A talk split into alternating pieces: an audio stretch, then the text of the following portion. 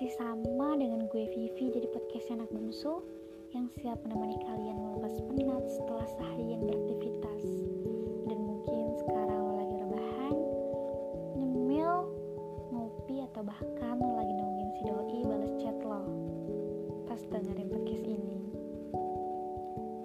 Yap, podcast anak bungsu tentunya dengan kumpulan cerita mengenai diri, cinta, keluarga, dan kehidupan yang bukan hanya sekedar cerita. Episode kali ini, gue memberi judul Otak sama mulut gak bisa kompromi. Di saat otak lo tahu harus ngomong apa, otak lo tahu berpikir apa, tapi mulut lo rasanya terbungkam, gak bisa ngomong. Nah, pernah gak lo ngerasain hal yang kayak gitu? Atau bahkan lo sering merasakan itu di kehidupan sehari-hari? Yap, kalau pernah, berarti kita sama. Karena gue sering banget ngerasain hal yang kayak gitu. Hal yang kayak gitu itu suka kambuhnya saat situasi dan kondisi yang emang bener-bener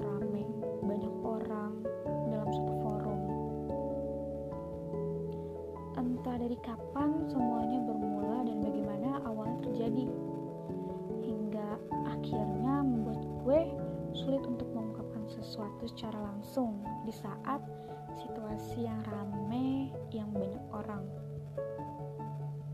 Dan gue lebih milih untuk mengungkapkan itu secara face to face tepat mata atau lewat perantara orang lain atau bahkan gue baru bisa lancar dalam mengungkapkan sesuatu itu lewat media tulisan. Kayak pesan singkat atau gue nulis di platform dan lain-lain yang serupa. Di saat otak gue lagi berproses berpikir dan gue ngerti harus menyampaikan apa. Tapi menurut gue tuh kayak gak bisa ngomong takut salah perasaan yang gue rasain tuh kesel. Kesel kenapa gue gak bisa ngomong di depan banyak orang. Kesel kenapa gue gak seberani orang-orang untuk speak up gitu depan umum. Kayak soal kritik atau bahkan pendapat maybe. Kesel juga kenapa gue mesti malu sama takut salah. Setiap pendapat yang gue lontari dari hasil pemikiran gue. Padahal Tuhan kan menganugerahkan otak kepada setiap manusia untuk berpikir. Dan gue selalu ngerasain mendingan gak usah ngomong deh. Saat gue berani mengungkapkan sesuatu itu.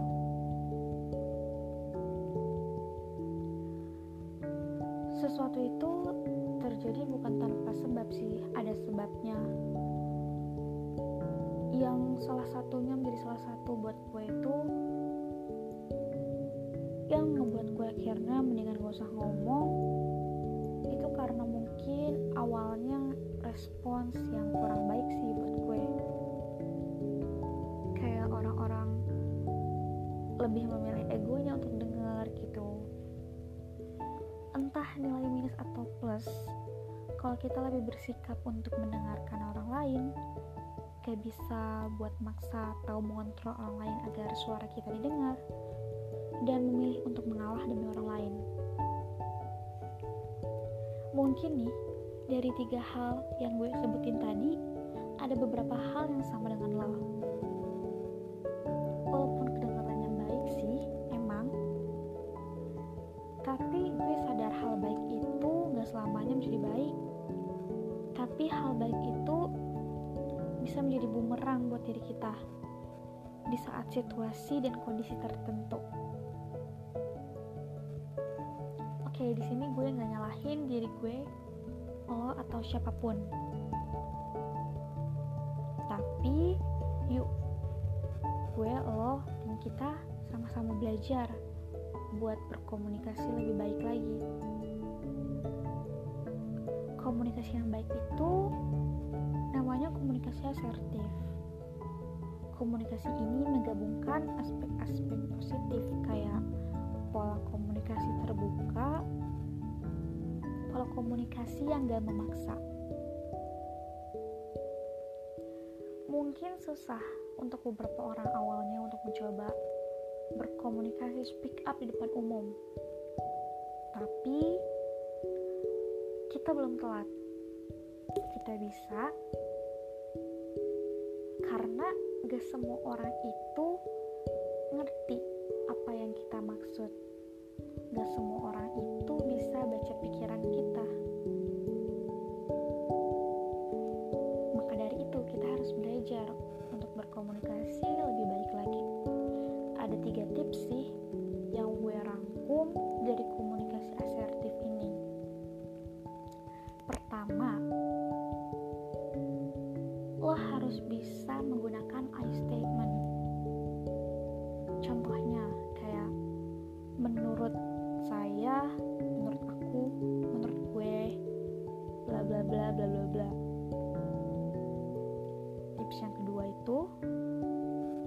harus belajar berani untuk ngomong enggak.